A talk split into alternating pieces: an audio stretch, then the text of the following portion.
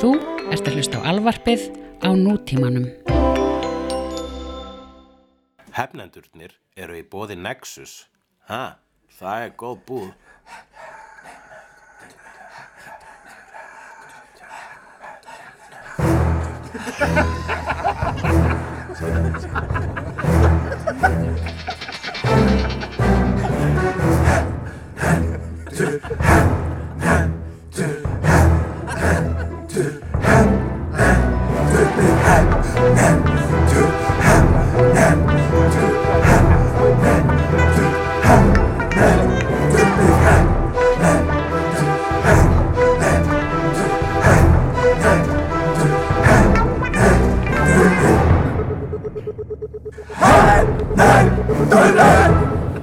Jæja Jæja.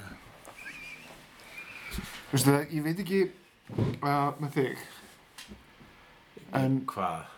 við vorum hérna uh, Við erum bara rétt nýkomnir úr bíó Já, Bíóparadís Bíoparadís. Þar sem við vorum að sjá svona skringilega giftingu milli tveggja mjög svona skýra áhugamáli hjá okkur Ofurhetjur og Dr. Who Já, Dr. Who og Overhetja. Já, fannst þér fannst þér, hérna, fannst þér þetta vel á sér vikið? Það er allt í lagi. Já. Það er eins og, eins og, ég veist það e- langt frá því að vera besta Christmas special, hvað þá besti Dr. Who þáttur sem ég séð. Já, En hei, þetta var Dr. Who og... Uh, Dr. Bíhú Og, ha, Það er bíóhú, ég var, ég var að reyna að samina þessi tvö ah, orð, ég skil. Mm. sjá hvort þau myndu gangu. Það gekk ekki upp. Nei, Uh,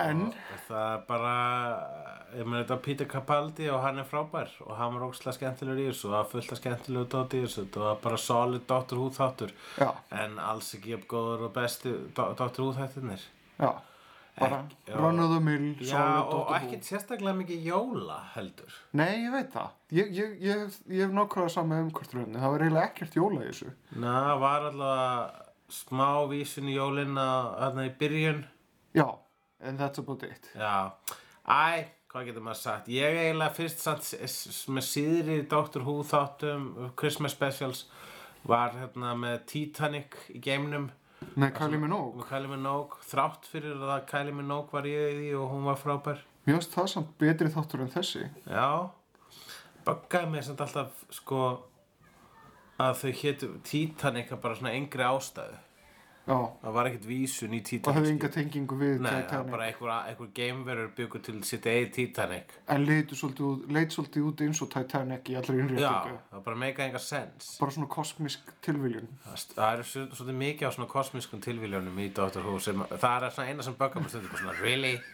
seriously Það og er svo hérna e- líka í öðrum Christmas pres- special þegar það var sko bær sem hétt A Town Called Christmas Já, en- og var ekki þar úti á annar plantu og allt leit út eins og það var bara einhver svona þú veist, 16. aldar norskur s- sveitabær Já, sko samt að þú gengur út frá því að þú veist tíminn er endalaus og það er endalaus og vittir Mhm. þá getur allt gerst Já, það er ekki endalega svo vittur í Doctor Who það er alltaf inn í okkar vitt Já, en fyrir utan hann e- eina vítina hann sem að hún Rose er först í já, það eru með öðrum honum aðra vittir já það er svo tvær vítir Að þú opnar tvær það. vítir í Dr. að Who það sé einu önnur vitti viðbútt þá er það líklegast til endalausar í já en það er ekki það gerist allt innan sömu vítar meira og minna Já, vissulega 99% í Dr. Who gerist þetta samt inn í okkar vitt nei þetta gerist í Dr. Who vítinni Já, já ég meina þú veist alveg svo Spiderman gerist í Spiderman vítinni og svo fravegis já, ég meina þú veist f- f- Sleepless in Seattle gerist í Sleepless in Seattle myndinni, vítinni ég er endar að hugsa um mig heldur að Dr. Who myndi koma að bjarga okkur frá Trump er Trump geimveru invasion alla Dr. Who Dr- Trump er ekki nógu sjarmerandi til að vera geimvera Nei, hann er svona appelsinugulur og skrítin, hann gæti alveg verið það- það er, þú veist, það er of interesting útskýring á, dokt, á Dr. Trump á Trump Trump gerpinu Já, þessu viðustíkilega gerpi Hann sem gæti- einhvern veginn sögum heimsku mannkins komst á þann stað sem hann er í dag hann er of mikið gerpi til að vera geimvera en hann gæti samt það auðvitað væri sko, ég myndi fá meira álita á honum ef hann væri geimvera og ég vil ekki fá meira álita á honum vegna þess að ég fyrirlít gerpið Ok, en ég gæti alveg kift Donald Trump sem svona eina af þessum Dr. Who gameverum í svona human suit það væri óskandi það væri svo óskandi að það var ástæðan mm -hmm. þá, þá væri ég með meiri trú á mannkinu það var ekki bara genuine líðræðislega kostningar með hugsalegri, þú veist uh, fiktun frá Rúslandi mm. en uh, ef það væri ekki bara a- eitthvað mennst kerfi sem skapaði þetta mannlega prump sem að er a- a- þarna að fara í valdamesta stól plánundunar núna bara á næstunni mm. ef að það útskýringi væri svo að eitthvað svona geimureinrás þá var ég bara svona ó, ok, þannig að við erum ekki jafn fókt og ég held þannig að það væri actually minna fókt ef hann var í vélmenni það væri minna fókt heldur en sannleikurinn en við erum hefnendur ok, gleðiljó herði, við erum að taka hana þátt upp setna uh, okkur, eh, vegna þess að við vorum uh, að jólast já, ertu að tala um já við þurfum ekki að afsaka það nei, jólin, nei, en um, fyrstu góðar jólagjör já, já fekk mér hennar fína Sherlock Holmes trefil frá þér ok, og enniskó frá mömmu og uh, vodka frá uh, guðsynu mínu. ó, ég var að taka þetta í núna að það stendur I am sure lockdown Ég veit það. Hvað finnst þér um það? pínulítið romantískara heldur en ég ætlaði mér Nú, hvað ætlum við heldur að... ég- að ha? manst ekki þegar hann var að reyna að giska á líkilorðiðinnar hann að love og síðan svona I am sure locked þannig að hann gætt lesið hana Yeah. þetta er þetta vísin í það í þættinum Já, var það það? Já, ég var búin að gleyma því.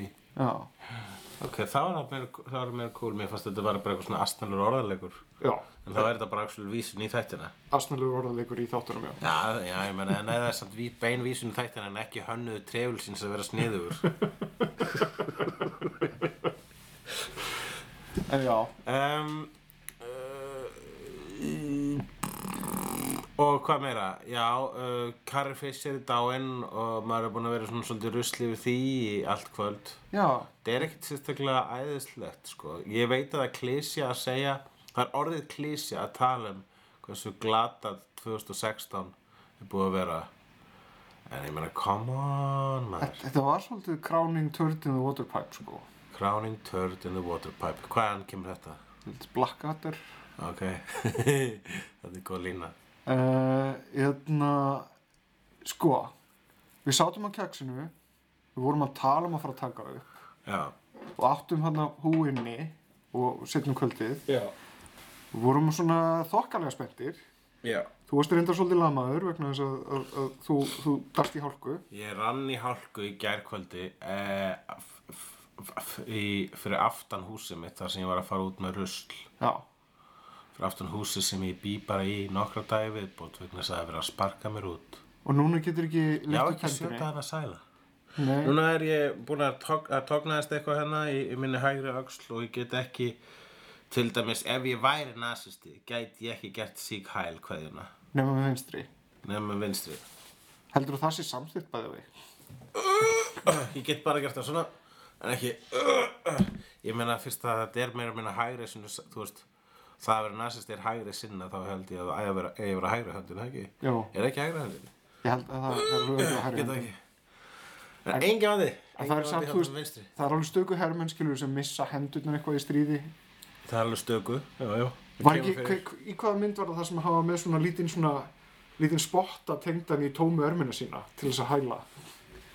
Ég veit það ekki Ég veit ekki hvað það var Eftirminnlustu hælin sem ég man er uh, hæ, hérna úr uh, sem sé Dr. Strangelá og að þegar hann var hand vant á hann höndina hann Tom Cruise í Valkyrie Já, en uh, svo var svona jú, jú, það er líka eitthvað svona, svona, svona gay wave já, Já, það var í Spaceballs, já, ekki? já, það var svona einhvern einhvern smá svona hæl vísun. En Eh, Carrie Fisher, já, uh, ef við vikjum aftur aðeins mitt, við sátum hún á keksunum og síðan, síðan sagði þú bara, hún er dáin og ég svona starðaði í smá stund.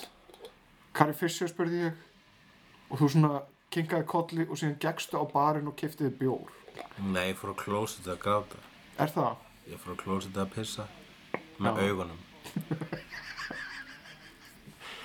En við erum svolítið blúsaður yfir þessu. Ég er allavega búin að vera aðeins mitt að renna yfir Facebook svona manist skoða allar svona greinar sem ég finn og, og, og svona minningar orð þetta er, þetta er eiginlega svolítið svona þetta er eiginlega svolítið þunglind sko Sér svolítið eftir að sanna þetta vakna klukkan 7.45 til að tala um morgunútvarpið um Carrie Fisher. heldur þú þeir eftir að gráta? Nei, ég held ég eftir að geispa. Ég mun ekkert gráta í beinn útsendingu, sko. verður þú þá bara svona þú veist ó, mér þykir svo vænt um hana Já. mikill missir Æ, sko, ég kann ekki svona við að grínast um þetta, Ævar. ég veit það, ég, ég, ég sjálfur er Og- og- svolítið Og ég að skal ströggla við líka þetta. bara segja, ég skal segja þér eitt sem ég er leður á, svo sko bara hérna, aðeins vera meira hérna on the dark side of the force. Hérna. já, Tölum við með aðeins neikvæðu hlutina. ok Facebook er náttúrulega og það, er, sko, það er allt, það er náttúrulega búið að vera að deyja alveg, bara- þeir eru bara að hrynja svo flugur fræga fólkið, the inspira ins inspirational folks er búin að vera að deyja núna og, í gegnum árið, út allt árið og það er alltaf þá koma áslega margir og segja "Ó, það er svo hældanda og lalala og, og svona s- posta myndböndum eða se- segja s- sína persónulegu reynslur af viðkomandi og svolítið, það er allt sem er fallegt en síðan er fucking grinchið sem kemur líka Já. og ég tók eftir bara strax það var einn af Facebook sem var bara svona sko, sorry með mig En George Michael gerði aldrei enn almennu lög og, og Carrie Fisher, þú veist, gerði aldrei neitt að viti. Hvað, af hverju, hvað er það sem drýfur fólk áfram til að vera með svona fucking comment á Facebook? Ég? Er að, er að, er að vegna þessir halda að, heldur að sé að preta einhvern, einhvern sannleika? Hvað, hvað, þetta er svo, þetta er bestservismi af verstu, af verstu sort. Já. Það sem þú finnur þörfina til að segja fólki í kringu þig að, nei, þið hefur rámt fyrir ykkur að vera sorgmæti yfir ykkur frægufólki ég er rétt fyrir mér að vera sinikal já þetta er svolítið svona lashing out þetta það er er svona alltaf nokkri sem gerir þetta og þetta fólk bögga mig að mér finnst það alltaf svo ló sko. Ég- það er ekkit, þú veist, jújú jú, það er alltaf að gera út á það að vera að við séum hérna uh, að við ekki frægafólkið erum að syrgja frægt fólk sem dó sérstaklega í heimi þar sem að fullt af saklusum börnum eru að draukna í sjóum í, í Östurlöndum og svo framvegis að vera drepaði í borgum og svo framvegis Já. það er náttúrulega, það er náttúrulega eitthvað galla við þann heim Já, nei, ég meina, En- en af- það má gerpis- alveg bæði, sko. Já, má alveg bæði, en síðan er einmitt gerpir sem eru bara svona uh, svona einhverjum svona sko, þeir eru ekki, þau eru ekki betri þau verða ekki betri fyrir vikið, þau verða actually bara meira pirrandi Næ, þau, málið- viðbót í pirrandi heim sko, þetta, er, þetta eru svona típur sem að finna til og eru, eru bara svolítið svona daufar í hjartanu. Sem og finna síðan til en sjáðu eru daufar í bara einhvern veginn hjartanu. svona veikan blett á, á, á, á, á samfélaginu í kringum sig og svona til þess að merkja fyrir því hvað þeim líður illa þá reynir það að láta öðrum líða illa vegna þess að þú þarft ekki ekki Fílupókandi sem að gaggrina sem er, sem er að gera lít úr uh, okkur að syrkja frægafólkið að þeir séu actually að syrkja það meira en við Næ, þeir eru meira bara að syrkja sjálfa sig. Þeir eru mjög sjálfkörfir, sjálfselskir og uh, líður bara illa Það er sálinni. mjög jesúlegur hlutur til að hugsa, já, en ég... Það, það gerir það ekkert minna óþólandi. Það gerir það ekkert að minna gerpum, Nei, sko. það gerir ekki minna gerpum.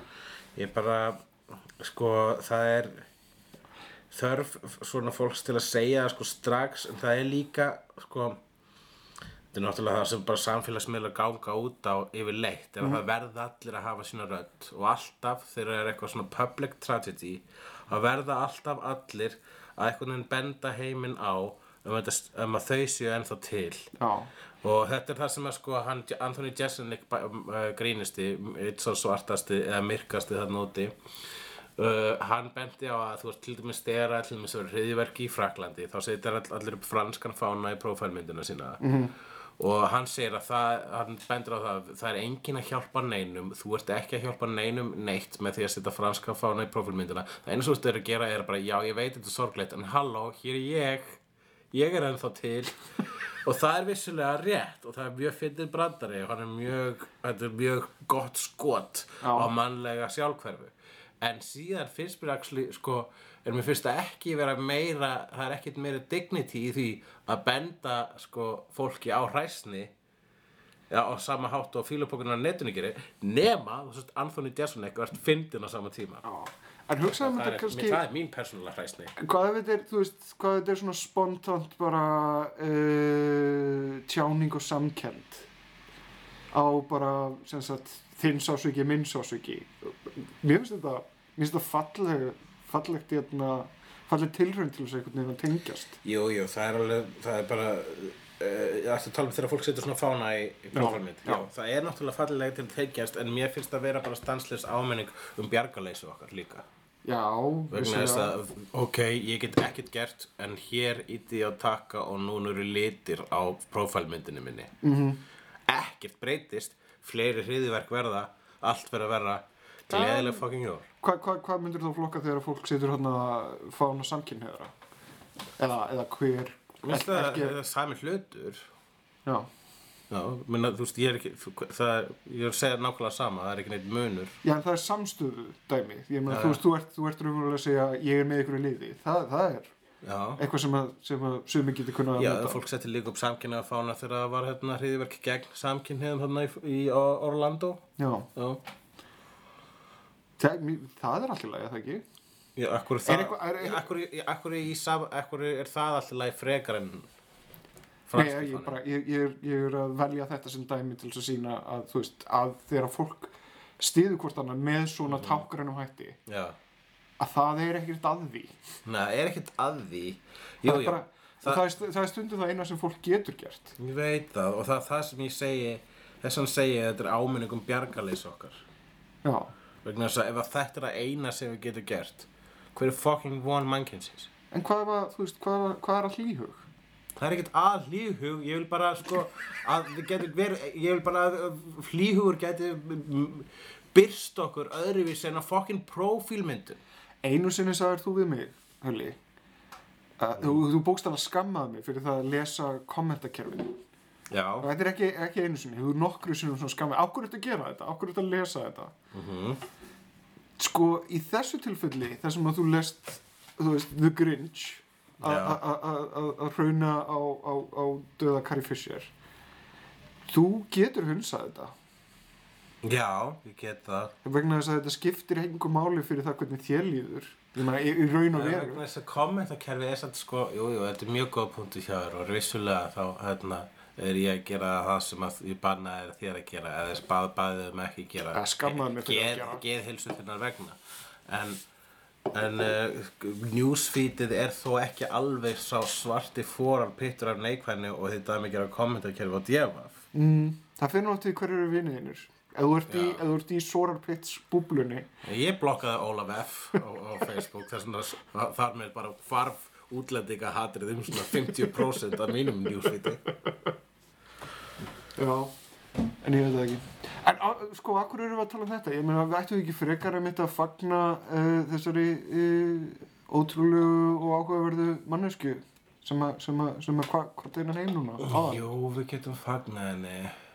Ég bara, Her, þú, ok, eitt hérna, þú sagði mig frá þessum Grinch já, og, jötna, og spittir eitri út á meðan uh, hluti af þessu sem hann sagði var eitthvað í sambandi, hún hefur aldrei gert neitt merkilegt og eitthvað gullbikini og bla bla bla uh honum tekst á einhvern undraverðan hátt að tjá sig um eitthvað sem hann hefur ekkert vita á uh, að þess að hafa nokkra þekking á því hvað hún hefur áorkað í gegnum lífið sigrast á jötna, bæði uh, sem sagt uh, ánýtjum fíknefna uh, sigrast á geðsjúkdómum sigrast á því að þú veist, vera einhvern veginn svona umkringd af, af ég veit kallaðið bara að hún sigraðast af geðsjúkdómi, hún bara lærði að díla við það.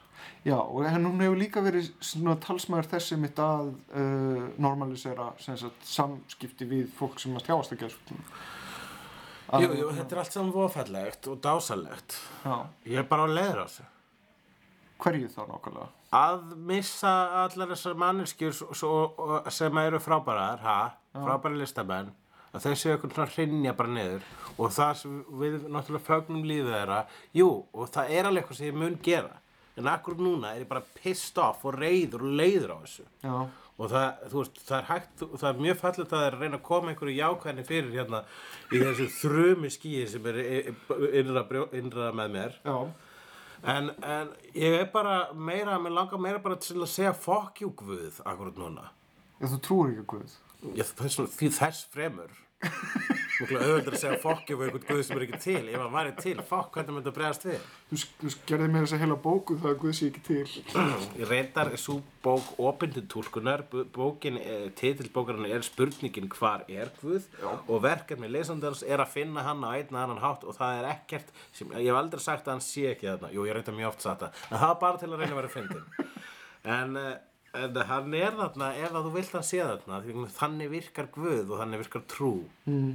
og þess Já. vegna er það ákveði karþasis að segja fokk jú Guð og trúa í smástund að hann sé til og að segja hlusta á hann þegar að svona lögu kemur vegna þess að það er ekki eins og þess að dánu uh, pop og kvikmyndastjörnur séu það glata þetta sem hann gerði þetta árið já. en pældur sem dýinu, þetta er sko málið er það að það hafa verið selið bara deyja skiljur trekki trekki gegnum tímans rás uh, þetta hefur reynda verið sérstaklega blóðugt ár fyrir virkilega svona flottar hetjur cool típur flottar hetjur og flotta fólk já, eh, flottar hetjur og flotta fólk Það var komið- sérstaklega fyrir flotta fólk uh, en þetta á bara eftir að halda áfram sko, vegna þess að þú veist, núna erum við að detta inn í jæna, tímabilið þar sem að heitjurnar okkar eru konar á aldur uh -huh. þar sem að þær manneskjur eru, eru að fara að hver, hverja já, ein á fætur annari þeir, já þeir svona þeir, þeir er svolítið bara svona, svona virkar heimurinn sko Já hmm. Mikil hugun í þessu trikkið er að finna einhverja manneskju sem er ung og heilsusamleg eins og Justin Bieber eða eitthvað til þess að tilbyðja kannski ekki Justin Bieber en vegna þess að ég held að ég held að hann sé svolítið í röglunni Nei, ég held að hann má ekki við meiri tilbeðslu einhverja mannesku, þú veist f- finndu frekar hetjur sem eru yngri en þú vegna þess að þá eru þau líklegri til þess að endast lengur en þú Ég get það ekki, ég er gamall hlutur og er það ekki hægt að kenna mér að sitja Sæði gamall hlutur Já. ég meitti hundur já á, á, hvað, hvað mennur þá? Er, er, er, er þú, ert þú hægt að finna nýjar, hetjur? nýjar, nýjar hetjur, ég meina hvað á ég að finna ungar hetjur já, til dæmis Hvað, hvað eru ungar hetjur? um, Sem svo sko Daisy Ridley ha? Donald Glover til dæmis Er- og hún hann er myndi óslega deyja. cool Ha? Don, Donald Glover, já eða hann já, ef þau myndi deyja þá myndi ég vera bara damn það er sorglegt og verðum þau mjög sorgmættur ég myndi ekki vera jafn sorgmættur og að vera Carrie Fisher Já. vegna þess að þú veist Þú ert ekki búin að Ég get- tengjast um einhverjum æskuböndum. þannig ef að ég á að hætta að hafa þessar tilfinningar gaðgort uh, dánum hetjum ég, þá þyrfti ég að fara aftur í tíman og koma í veg fyrir að ég byrja tilbyðar in the first place Já, en þú getur skilur þá í staðin sagt, ah, Stan Lee er farinn, minnstu kosti höfum ennþá Donald Glover. Já, það var mjög skrítin hlutu til að segja þegar Stan Lee deyr. og hann er fyrir, ég, meina, ég, ég, ég er ekki alveg það, ég meina Donald Glover er mjög góður í community og, og, og uppistandi þessi er mjög fín Þú ert eftir að sjá Atlanta. Það er Eh, og ég snill. er ekki búinn að sjá Atlanta en, eh, en Hann hefur hlustað eitthvað Býða Childish hann til að Gambino. búin að leika uh, Lando ég er, ég er búinn að reyna að hlusta á Childish Gambino og það er þetta svona nýja rap sem ég skil ekki Herri, hann poppaði inn í hérna Magic Mike XXL. Já það, ég er eftir að tjekka á því hún er á watchlistanum mínum á Netflix Já. En hérna, já, nei, eins og ég segi, þetta er, þetta er, þú veist, þetta er, þetta er, þetta er tillagaðlausn. Er þetta lausnin? Ég veit það ekki. Það er enga lausnir en ég, ég kann að meta hvað þú ert að reyna að láta mig líða betur. Það, það eitt lætur mig líða aðeins betur. Ég sé bara, ég sé bara að þetta er að fá verulega á þig vegna þess að þú hjúfrar að þér uh, jötna, helstyrnis hálsmenniðinu. Já, ég grýp alltaf um það þegar ég byrja að efast um allt. Þetta er, þetta er svona detta í það að vera svona eins og teppið hans svona lænusvar í smáfólki. Já, en er ekki betri líking að þetta sé svona eins og hvað heitir það? Rosary beads. Jú, jú, Svona þetta er svona kaþó- tilbeðslutæki. Já. Ég ekki það ég ætla að gera út af, þín, þín líking var raunin betur en svo meira svona popkultúrísk og þar að leiðandi meira hefnunduleg þannig ég tek þetta tilbaka. Jú, jú, þetta er vissilega öryggisteppi línusar.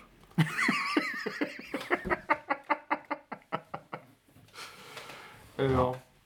en já ég, ég, ég hefði alveg verið ég, ég rétt áður en að Carrie Fisher sem sagt þá tilkynntum andlátanar já, það byrtist fyrir þetta sem að Debbie Reynolds mamminar sagði sem sagt eðna, hún var í stable condition nákvæmlega og ég setti link á það á hérna hefnundasíðuna og uh, gerði hérna reyndar aliens brandara uh, já, þú sagðir get away from her you bitch uh, við árið 2016 já uh, Já, en þetta er stíðan, sko, ef við horfum á þetta öðruvísi, er 2016 sá dímon sem að við segjum að hann sé eða er, sko, erum við aðeins að uh, hlekja okkur í, þessa, í þann skáldskap sem er tímamælinga mannkyns vegna þess að rauninni er svo að árið 2016 er ekki til, þetta er bara einhver hringur í kringum sólina. Já, en innan í þessari ímynduðu uh, semst flokkum þá er Alan Rickman, David Bowie, Prince, George Michael,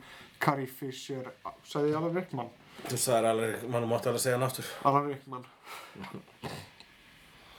og, og slatt af öðrum. Já, og, og svo ekki sem Gary Shandling. ekki minnst að Gary Shandling sko, sem að uh, ég var að rétt ára en hann lést þá þá hlustaði ég á viðtalið við hann í, í You Made It Weird og þar er mikill snillingur og vit, vitringur á ferð Mhm. maður sem að uh, já, ég held að hjálpa ofta að vera grínisti Já, hann var, Það verð, verð, sumir ef þeir eru grínast nógu lengi þá breytast þeir í heimspekinga og hann var það svo sannlega hérna á sínum síðustu árum hann var líka sko svona, hann var lærimeistari ákveðin, ákveðin svona hóps sem sagt grínista í bandreikunum en það sem að kannski hann ber mest ábyrða á er það að svona injekta meiri húmanisma einhvern veginn í grínið Já, já Það er merkilegt nokk, það er það viðmælenda hans í þessu, þessu tiltekna við, viðtali sem ég er að tala um, eða það er að segja spyrjandinn hans, er Pete Holmes sem er með ákveðin húmanisma í sínu uppistandi. Hann er alltaf að tala um hvað við eigum að elska náungan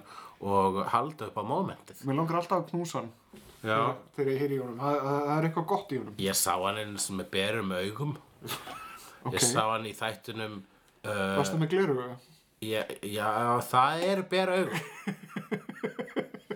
Ég var eins og sama herbyggja hann þegar ég fór ásatt henni uh, DD Unit Ok. á uh, live taping af þættunum Midnight -hmm. sem að Chris Hardwick stjórnar þá var hann Pete Holmes að keppa á satt, að keppa á móti uh, Ricky Lindholm og hvað sem hann heitir Kate McCucci úr, uh, úr hérna, Garfunkel og Oates duetnum mikla sem að eru vist komin með eitthvað nýjan special núna á Netflix sem er líka á watchlistanum mínum ég er bara að reyna að hugga mig við hvað er margt skemmtilegt sem ég á eftir að horfa á Já, ég veit allan að ég, þegar ég kem fyrir heima eftir þá ætla ég að reyna að hafa upp á þarna uh, HBO special sem að Carrie Fisher gerði sem heitir Wishful Drinking. Já, og er, það, er það hún bara á sviði að tala? Já, það er byggt á sem sagt one man show sem hún gerði, eða one person show uh, um með mitt þessi, þessi uh, tíndu ár Já, full af kókaini og áfengi. já sem hann hefur reynda líka gert skil í hérna, Postcards from the Edge Ég sá þá mynd Mm. Hún var alltaf læg Það er, ská, það er- það er eh, skáldsaga byggð á, á sönnum reynslum kvikmynd byggð á skáldsögu byggð á sönnri reynslu Já, uh, já vissur það að hún var hérna, skriptdóttur á Last Action Hero Carrie Fisher já, Já, okkur af, vegna þess að hún var útlega góð í að skriptdóttura Já, var það? Já. Já, skriptdóttura hefur hann Harry Met Sally líka alveg hún alltaf leki henni nei, heyrðu, hún skriptdóttura ekki jú, hvort hann hafi ekki gert það, mér minni það Hún alltaf leki venn Harry Metzali Uh, já. Heldur að hérna, já. Hvað heldur að ég eftir að gerast? Hérna, uh, varandi Star Wars núna. Heldur að saga lifi prinsessu uh, Já, það er búið að taka upp þessa mynd, segir þú áttundu, já. Já, þannig að það, öll hann er atrið eru komin inn Mhm.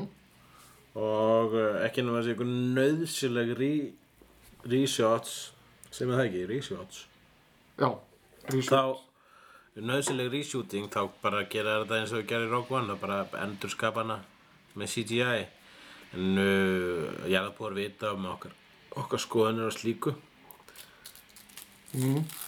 Er það guðlast að fá að- aðra leikonu til að leik... Sko segjum svo svo, við veitum ekki hvernig hvort hún lifir af alla mynd átta já, Princess Leia, General Leia en ef að það var skrifað í söguna að hún ætti að vera í mynd nummer eh, níu hvað heldur þið að gera? Ráða nýja leikonu? já, mér grunar það allavega að uh, hún fá ekki send á því sem hann solo fekk Nei, ef hún gerir það líklega ekki, nei en, það, en síðan Hún ég þarf að- bara vil að ég, ef, ef, er ætla, að la- ha- ef, að- ef að hennar Princess Leia legacyð á að halda áfram í sögunni samkvæmt fyrirfram skrifið á handriti Mhm. mm.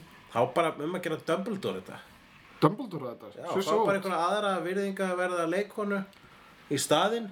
já, allan ekki uncanny valja þetta eins og í Rogue One Nei, ekki að hann kann í valja þetta. Dumbledore þetta. Þeir hafa þetta Dumbledore þetta líka í Rogue One.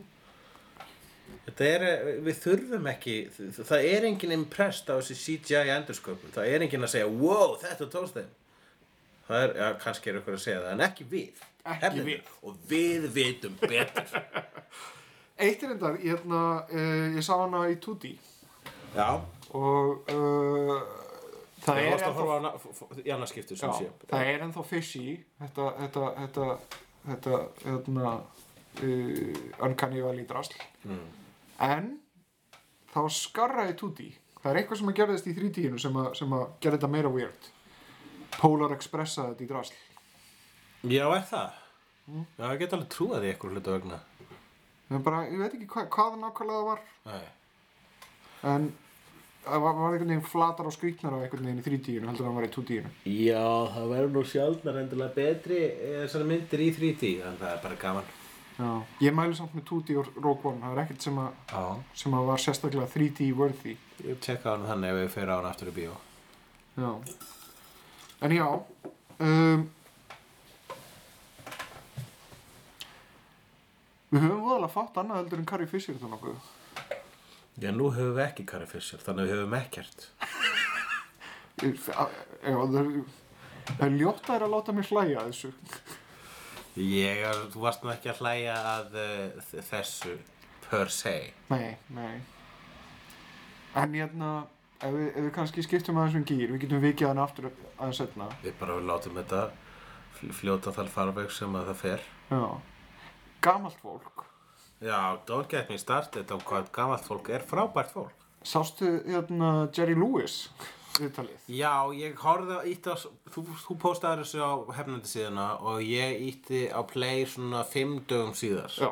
Þannig að ég bara svona, á, það, það stendur að þetta sé vandræðilegt og erfitt að horfa á þetta og ég á svo erfitt með að horfa á það sem er erfitt að horfa á. Hvernig, hvernig fannst þér þá Ég get Office? frekar hort á torture porn heldur en, uh, heldur en eitthvað- nei, nú, sko, ég er, uh, ég er Office er alltaf læg, eins og það er skaldskapur ég er að tala um, sko, svona genuine vandræðileg heitt Já, það sem að ekkur er alv, það sem eitthvað er vandræðilegt í veruleikanum já, erfitt með það en samt sko, ég, og, og maðurinn er sko fílabóki hann hefur alltaf verið það.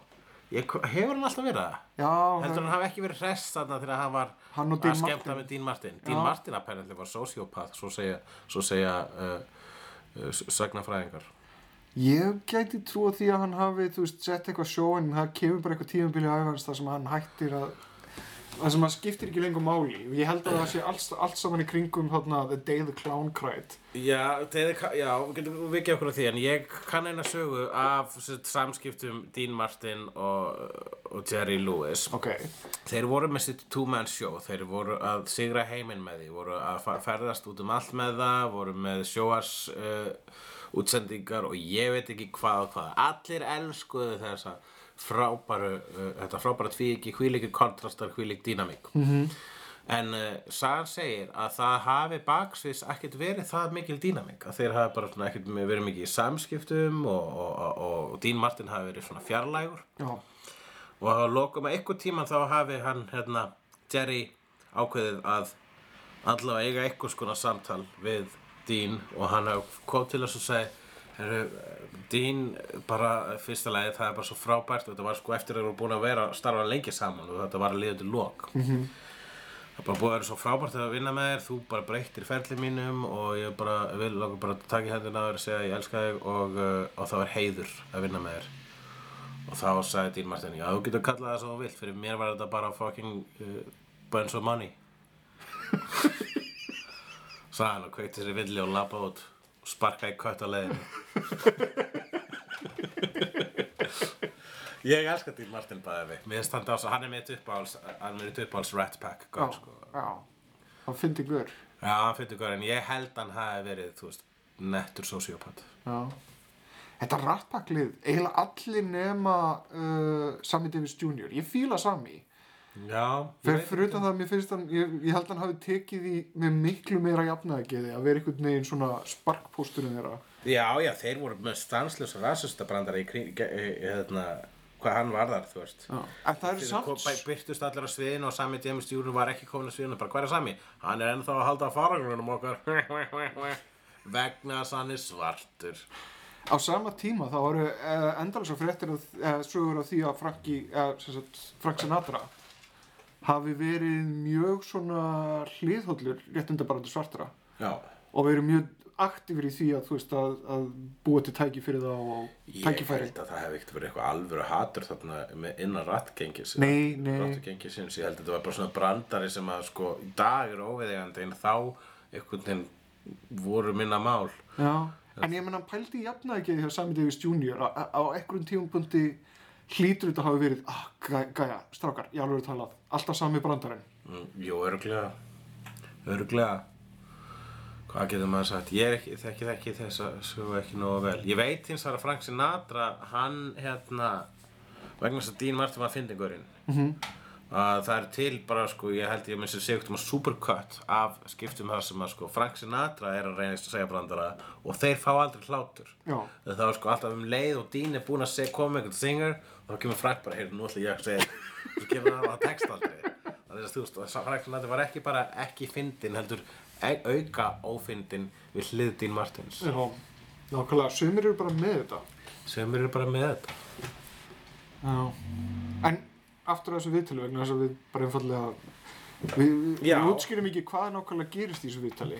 Það er einhver gaur sem er að taka við tal við uh, skemmtikrafta yfir sem eru 90 og eldri sem eru ennþá að starfa -hmm. og er eitthvað að spyrja, hva, spyrja spurningar sem bara hvernig er að vera gamall Akkur er þetta ennþá að þessu? og okkur þetta að þessu og ég get ekki ímynda mér hver, hver, hver svona einhver myndi vilja að horfa á slíka heimildamynd Ná, en e, þetta er ekki, þetta eru svona, þetta eru brot fyrir Hollywood Reporter. Já, ok. Og hérna, og svo, já, ke- kemur í ljós að uh, að hann er alls ekki stuðið fyrir þetta viðtal, hann Terry Lewis, sem að eina, eina spurningi sem vaknar upp í hausnum á hann bara af hverju sagði já. Ég veit, en þetta er samt svona perfect storm, skilur. Hann, Jerry Lewis segir já, hann hefði ekkert að segja já. Uh, þessi gaur hefði ekkert að spyrja Jerry Lewis og síðan sitja þér einhvern veginn saman og viðmælandin er ekki góður eða sem sagt Jerry Lewis er ekki í stuði til þess að svara og gaurinn sem er að spyrja spurninguna er frekar lélugur í því Já.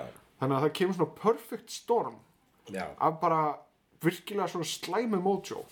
Já, þetta var mjög, þetta var alveg, þetta var alveg svona bara næstuði historist í, í blaðamennsku, Já. uh, í allavega skemmtana blaðamennsku.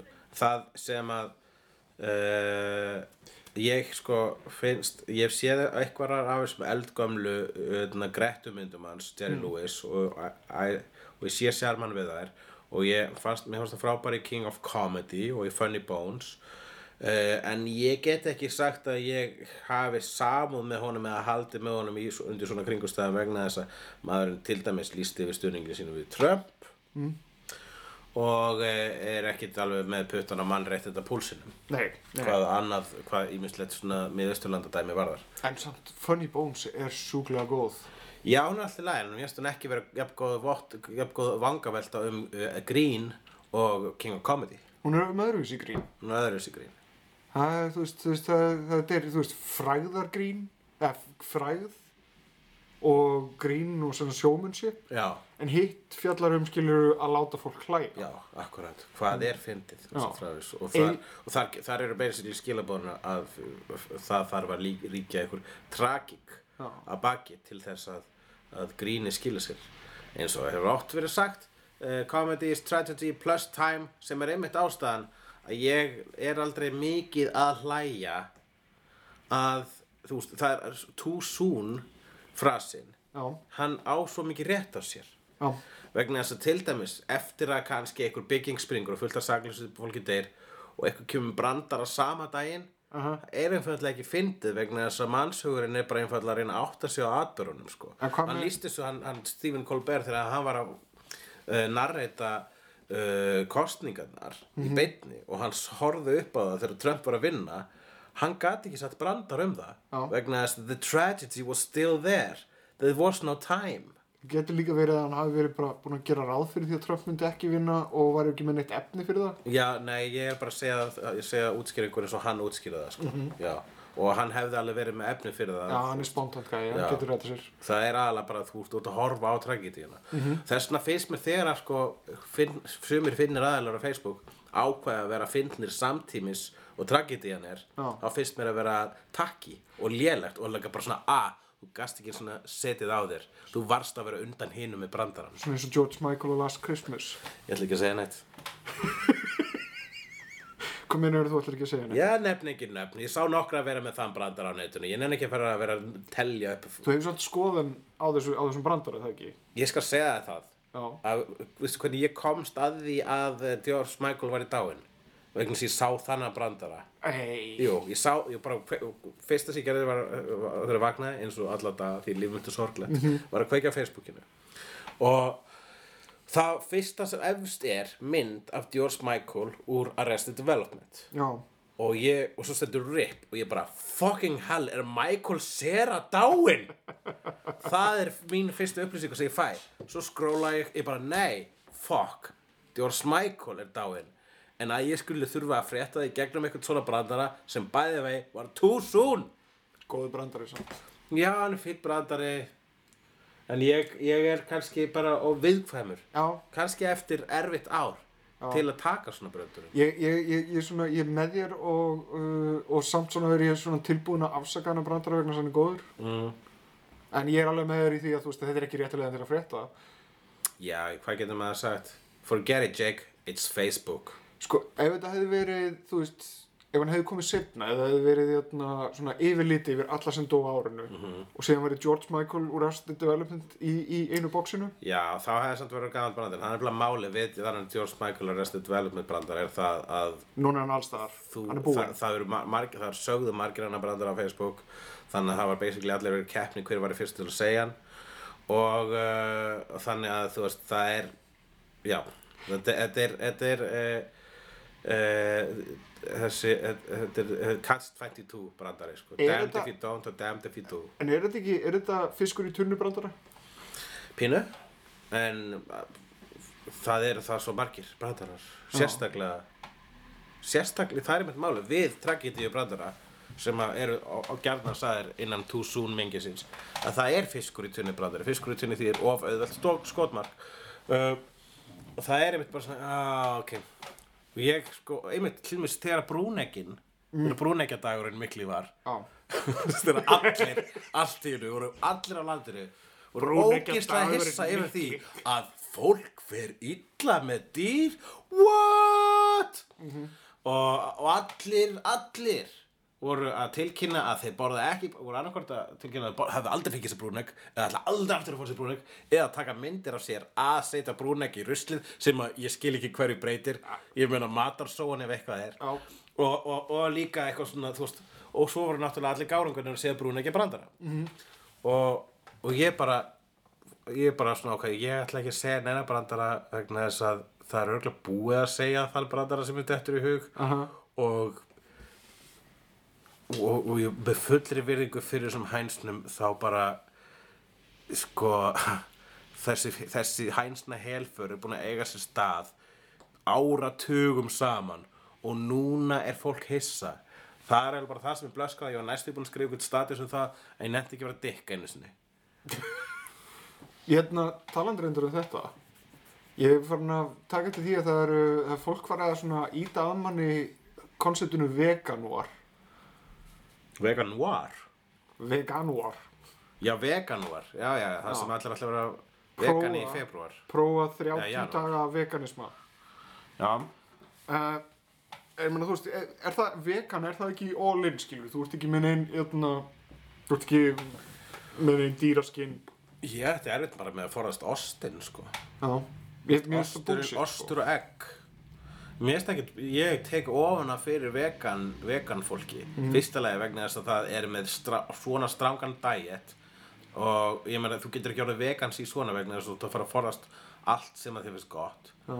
Þannig að það er alveg bara, það er bara, my hats off to you Í ofanálag, þá er það actually ekki að borða dýr Sem að bara, ef við báum í því, er betra þú veist, en að gera það vegna þess að þú ert að geta fucking líf mm bara, þú veist, sem ég ger á hverja mér þetta degi ég er bara að segja e, það er ástæða fyrir því og ég held að ástæðan fyrir því að fólk segir vegan bratara -hmm. er alltaf, þú veist, Jimmy Carr og Marcy Margar svona grínist að vera að tala um hvað, að vegans get ekki haldið kjaftu um hvað eru miklu vegans málið er það að ég hef aldrei hitt vegan sem er alltaf að tala um hans í vegan þegar ég hef hitt, vegan, hitt aðlega vegan fólk sem að forðast að tala um það vegna þess að það nennir ekki að fá sitt út af því Já. vegna þess að þeir fá alltaf eitthvað shit frá okkur fólki sem sagði, þykist þú verið eitthvað betri en ég? Nei, en þú, þú greinlega heldur að ég þykist verið eitthvað betri en þú þannig að þetta er greinlega vandamálið þín megin þú er greinlega með einhver konar svona djúft setið samvirkubitt gagvart því að vera ekki vegan -hmm.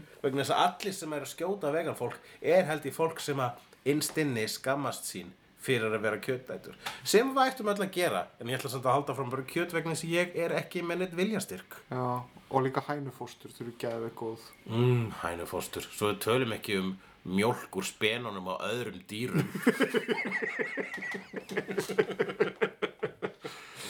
En já, en ég var að hugsa um, ég, ég var að hugsa um þetta núna í gær, uh, akkurat, þetta vegandæmi og svona. Og sjá, þá sérstaklega mitt þetta fólk sem að tekur þessa mórölsku afstöðu að ekki nota neitt úr neinum dýraafurðum.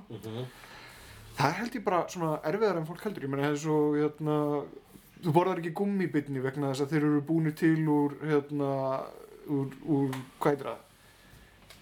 Gelatín, einhverju dæmi sem er, sem er í grunatröðum... Uh, Já, gummibetnir eru kjöt Já, þeir eru unnir úr dýra Já, þeir eru, það eru, gummibetnir eru þeim er uh, smala saman í gummibjarnabú þar sem við sko vaða í eigin skít og hafa aldrei sem sólaljós þá til að koma einhverjum svona vélar og setja það á færiband -hmm. og drepa það En, ok, en mál er það ef þú ætlar ekki að uh, vera með neitt úr dýraafurðum þá, ertu, þá þarftu líka svolítið að hafna plasti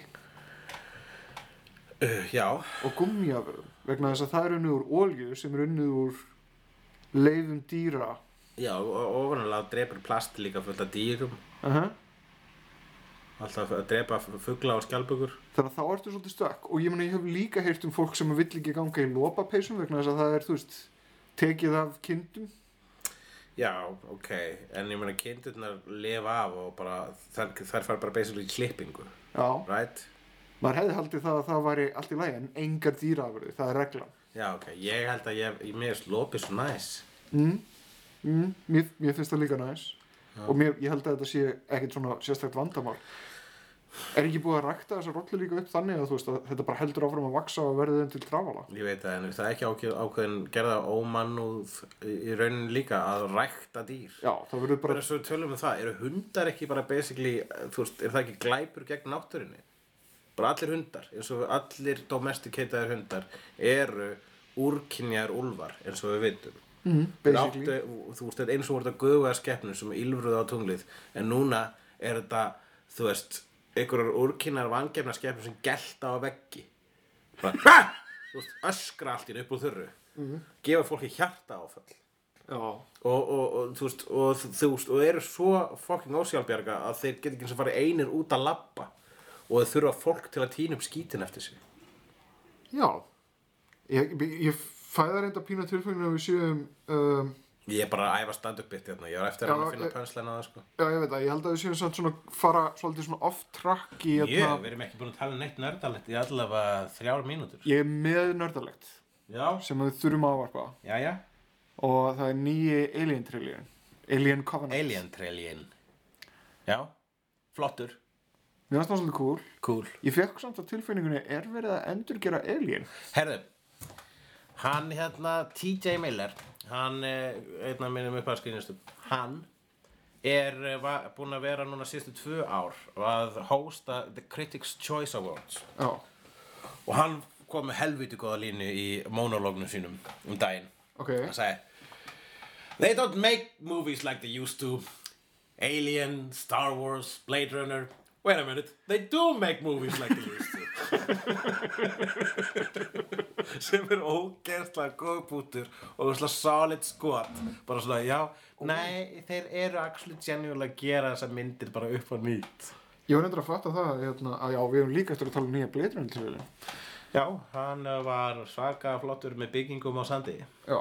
Ég get ekki, hann, hann skilaði nú ekki miklu sér trailer, hann en bara staðfyrsting á að þetta er actually að gerast. En ég meina, er þetta framhald á hérna, original köttinu eða Ridley Scott köttinu? Ég meina, aftur að tala um Ridley Scott kvötti það sem ég gert er, er gefið sterklega í skinn að uh, hann Deckard er uh, replikant sjálfur. Nei, var það ekki original köttið sem fór þéttruglu köttið og var ekki meira veik í Ridley Scott útgáð? Ég skal ekki segja það sko. Ég er á leiður á allir sem director's cuts.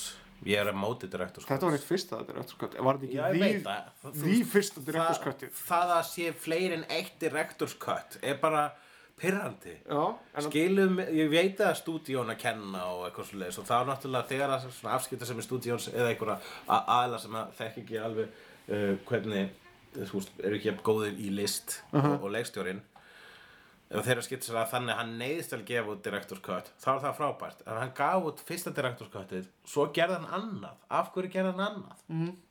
Var hann bara, ó nei, nei, nei, nei, nei, nei svona á þetta að vera, þetta er, þetta er svolítið George- George Lucas territory já, Það sem maður hugsa bara, æ, hún komin út, við erum búin að sjá hana, ekki segja okkur, nei, það sem þið sáuð er actually ekki réttu útgáfan, hér er réttu útgáfan, borgið mér meira. ég held samt að stærri spurningin er, er hérna, Harrison Ford a replicant eða ekki? Já, en hann er allavega hann gamall kalli, ég veist að hann er svona aging replicant, hvernig, Já, já, hvernig a virka þeir? host. Hvern, já, svona, hó- ha, já, en eldast hóstarnir, nei, Nei, hóstarnir eldast ekki. nei. Hóstarnir sem sé í Westworld fyrir þá sem fatt ekki hvað við erum að tala um. Já, þeir, þeir eru bara ykkur svona trum eins og þeir eru Já, alltaf. en hann er sérst, ég meina ekki nema replikantar eldast, þá er, getur þú svo uh, Mér finnst þess að það sé eitthvað, penning eitthvað, eitthvað þing. haldið vatni. Allan að, ég meina, myndu þeir gera þá þannig að þeir líti út fyrir að eldast? En manst ekki, þeir hafa expiration date. Já, ég veit. Þannig að hvers vegna að láta að geta elst fram yfir expiration date? Já, en ég meina, þú veist, ef að þeir eru hvað, eldast um tíu ára eða eitthvað svona, eru það alltaf eins allan að tíma? Já, ég hefði haldið að það væri bara make a sense vegna þess að hvers vegna byggja ta- vel með, með takmarkan líf, velmenni með takmarkan líftíma og láta það eldast þann líf, akkur eigða batteri í það sko. Getur þú rifjað upp fyrir mig, af hverju gerðu þau replikantana svona human-like? Þeir gáttu látið að hafa, skilur, Vegna þess að Það er svo útlimi, awesome concept í sögu. þeir gáttu látið að fá útlimi og verið bara svona human-shaped. Já, já. En þeir gáttu gert það allar með bláa húðu eða eitthvað. Ég, þeir hefði getið gert það, en hvað er þá pointið með, ég menn til dæmis, er ykkur af þessu replikant sem er kynlýsvélmenni? Já, Þú vilt ekki að þau líti út þessu ykkur gínur. Já, en þeir getur verið með svona, þú veist, kabuki-málingu eins og, eins og Daryl Hanna. Já, en hún málaði hann á sig, hún þurfti ekki að vera með hann, Já, ég veit það, en þú veist, I'd hit that. Já, o- ok. Ég er að segja það. Já, hérna, já. Já, uh, þannig að þú vilt kannski jafnvel frekar. Uh, Ég veit það ekki, ég meina, er, er, er, er það, ef, við- ef við tölum um það svona, svona uh, abstrakt, já. hérna, það er verið að búa til kynlísvelmeni, ok, svona Westworld style. Já. uh, þú gætir þá tækna sér st sko stundað mög með hvaða shape sem er á þess að það skipti nokkru máli hvaða er vegna þess að það er alltaf vélmenni það er engin móralskur sem sagt grundvöldin nema, nema þessi self að vera eða einhver, einhver leiti Já, þannig að þú veist, þú gætir þú veist, fólk sem að hefur svona förriblæti getur, getur actually fengið svona förri sem er bara alveg förri já, akkurat, það gæti actually riðið ykkur svona sem er meira eins og living, breathing mannhundur. og fólk sem að hefur blæti fyrir risaðilum gæti stundar mög með einhverjum svona, svona anthropomorphic ri risaðilum Jú, jú, í, í fullkomnum heimi. já Akkur er ekki meira af því í Blade Runner? er það sem ég er að spyrja. Akkur er ekki skrítin vélmenni? Akkur er ekki svona, svona, svona funky vélmenni? Ég veit ekki, kannski er það í nýju bleiðurinu myndinni. Getur ég ímyndað, ok, og við tökum kynlíf út úr þessu, getur ég ímyndað það að, hérna, að röldum og, og fá Jake úr Adventure Time sem félaga? Ég myndi finnast það að vera mjög fríki. Já, notabene ég vil leggja áherslu aftur á, ég sagði tökum kynlífið út úr því, Já, ég, ég var heldur ekki að tala um kynlífið. já, en bara vélmenni sem að lítur út eins og Jake, Ég veit það ekki, ég myndi ekkert vilja hafa eitthvað, eitthvað svona teknimynda karakter í veruleikanum, það er bara, það myndi vera svo disorienti. Það væri bara, hei, ég hef komið æfintýri, við getum það ekki, gerfi, Jake, uh, vegna þess að pff, við búum í veruleikanum ok, og þú, það er ekki til galdrar. þér finnst það, en getur ég ímyndað hvað gerist þegar að fólk getur búið til androids að vild Uh, í Japan? ég myndi frekar að eyrið eitthvað orginal hönnun heldur en við fáum sko svona einhverju fan, fan að, þú veist, fáum verur úr einhverjum popkultúr vegna þess að þá, ég hugsa sko ef að ég væri hérna með bara, þú veist, ef að Buffy eða Vampire Slayer væri vinu minn, mm.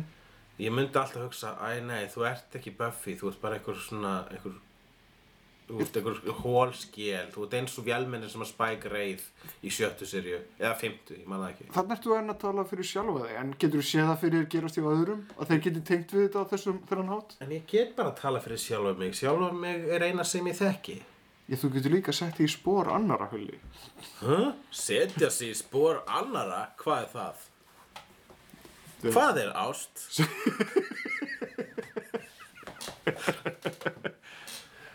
En hérna, Já, ég get sett mig í spór annara. En að hvað, þú veist, ok, í- í hvaða tilgangi? Að þeir geta Ok. skilið hversun einhver ætti vilja geta leikið við, þú veist, Jake úr eins og ég segi, Adventure þú Time. getur gert, þú getur gert svona skrítin vélmenni sem getur verið hvað sem er.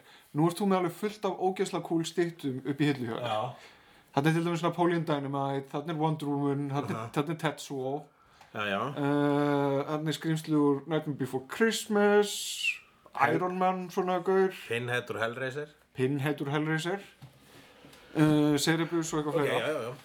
Segjum svo svo að þetta vera allt saman lítil vélmenni. Já, sem að myndu laga til á daginn síðan myndu þú svona leika við þig og sk- hafa gaman og svona setja á svið eitthvað svona Mm. eða væri eins og leikfengin í, í hérna Toy Story og væri bara hress á því alltaf þegar Væri- þú kemur heim þá bara vinir mínir Ég, sorry, það hljóma bara ógisla fríki og creepy. Ég er ekki að reyna að vera ósamálaðir, bara til að vera ósamálaðir. Mm. En þú myndir koma heim og eru svona litlar sæta og eru bara, yey, hulli, þú veist, hvað? ég, þú getur líka prógramað til Það er bara, ég er ekki lífið sem ég vil. Ég vil ekki að, sko, að koma inn á eitthvað svona fríki barnaheimili. já en þú getur síðan líka skilur þú veist einn daginn það bara þú veist með app í símanum Já. og bara þú veist ó Jonas Lucas og þetta ég nenn ekki þessu Já. og síðan bara svona slögt aðeim og þá kemur inn og þá bara ó hulli Oj, það er ennþá verra. eða þá bara þau gerir ekki neitt og eru bara þú Það er bara döið.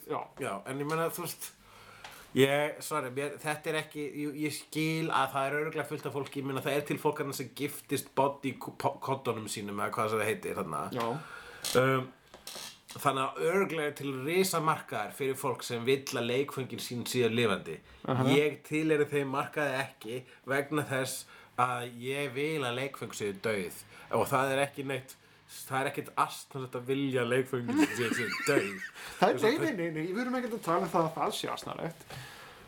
E, Eiginlega er það bara venjulegt. Það er bara venjulegt. Það er bara eins og það er. Þannig er það. Og væri alltaf tíð. Já, við erum að tala, um- við erum, ég er að reyna, ég er að reyna að projekta fram í framtíðina hérna, þú veist, Já. vegna þess að þetta kemur. Jú, jú, það Þetta er munur bara vera, tímaspursmál. það munur vera leikfeng með gerfigreind eða eitthvað skona votta gerfigreind í framtíðinni. Það var heitasta leikongi núna, var eitthvað, eitthvað egg sem þú kaupir og síðan þarf að hlýja egginu, þar til það klekst og síðan kemur eitthvað kvikindúr sem er svona Furby, Next Generation Furby sem að þú þarf síðan að sinna eins og ykkur Já. ungabarni. Nei, þetta er nefnilega, já, akkurat, þú veist, jú, þetta er mjög vinsælt eins og Tamagotchi leikfengin á sínum tíma og pissudúkunar á sínum tíma. En þetta er ekki það sem ég sækist eftir leikfangi, eitthvað sem ég þarf að sjá um. Já, Það var mikil ábyrgð. Ok, en ég meina, þú veist, þú getur líka fengið leikvöng í framtíðinni Já. sem þú þarft ekki að sjá um, sem jafnvel að sjá skeifa sig um, sjálf. sem jafnvel sjá um sig sjálf. Aha. Sem að, þú veist, rölda og, og hérna, fara í hleðslu á eigin spýtur þegar þau gerir sér grein fyrir því að, ha, já, ég, ég er að vera búið með rafmagnið. Jú, kannski einn svona velkall eða eitthvað. Já. En ég meina, d- d- ég, langar því svona, Ævar? Pínu. Já. Er það það sem þú ert búin að reyna að segja allir tíman að þið langi í svona? Veistu það, ég hlakka til þegar vélmennabildingin kemur. Vegna þess að- vegna þess að- Vélmennabildingin í merkingunni að það vera tilvæslega mikið af ásum vélmennum sem að þú getur keft eða vélmennabildingin í, í merkingunni þau munu drepa okkur. Æ, Sko málega það, ég sé fyrir, fyrir mér framtíð innan svona 50 ára þar sem að í fyrsta lagi þá þurfum við ekkit að eh, sem sagt fara úr húsi eða hreyfa okkur mikið, við getum að- gert allt í gegnum síndaveruleika uh, öðru lagi að við erum með vélþjóna allt í kring sem að passa upp á okkur og eru nóg að gerfi greindir Já. til þess að geta verið góði félagskapur en þú veist, þú ert ekkert bundin þeim vegna þess að þú getur talað við alla vinnið þeina í fokking, þú veist uh, ég veit það ekki uh, í Land of U eða, eða hérna, sem sagt, þú- ég og þú getum hist og átt í ævintýru saman í, hérna, í miðgarði eða, eða eða Middle-earth eða Jú, eða hvaða ævintýralandi sem er, við getum verið saman til Narníu í Já. síndaveruleika jú, jú. Getum við átt okkur eigið holodeck. þetta verður þegar við erum orðinir gamlir kallar og Jú. við fáum það bara Það er fínt. Ég held að segja mér fínt að fá þetta þegar við erum gamli kallar. Ég myndi það er sant. Þú veist, krakkarnir í dag, ha, alltaf í símanum sínum. Krakkarnir í framtíðinni, alltaf bara í ykkurum heimi sem er ekki til. Já, ég meina, það, það, það átakninga sér við okkur líka ég meina, við erum alltaf í bíó, við erum alltaf ára sjónvarp við erum alltaf að lesa bækur við erum, við erum alltaf í einhverjum, á einhverjum öðrum staðildur um raunveruleikunum Já. okkur finnst þægilegt að vera þar Jú, en kannski ættum við aðeins að líta upp úr holodekkinu okkar og virða fyrir okkur. en það er degja Veruleikann. hetjurnar okkar Já, og grinchin er að koma með leiðileg komment við þurfum bara við þurfum að díla við það frekar en að stinga hausnum í sandin. Ég veit að escapismi er eitt dásanlegasta dóp í heimi. En ég meina, á meðan við, gröf, við, við gröfum okkur í þennan uppáhald skaldskap okkar, þá hreinur veröldin í kringum okkur. ég, ég minnst óþægilegt þetta að stinga höfðun í sandi vegna þess að strútar gerir þetta ekkert þetta er bara bullshit term. ég veit Og læmingjar stökku ekki fram að bjargi Og einhyrningar er ekki til Óknar fjör má alltaf sjá Í reykja vík Á landinu um loftin blá Líka á sænum Hættur og háski Látur og gáski Heflendur Í reykja vík Heflendur Í ævintýrum lenda þess Heflendur Heflendur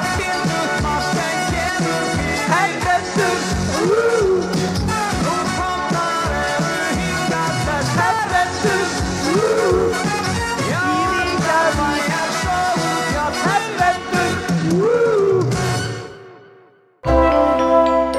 Þú finnir fleiri skemmtilega alvarpstætti á nútímin.is. Takk fyrir að hlusta.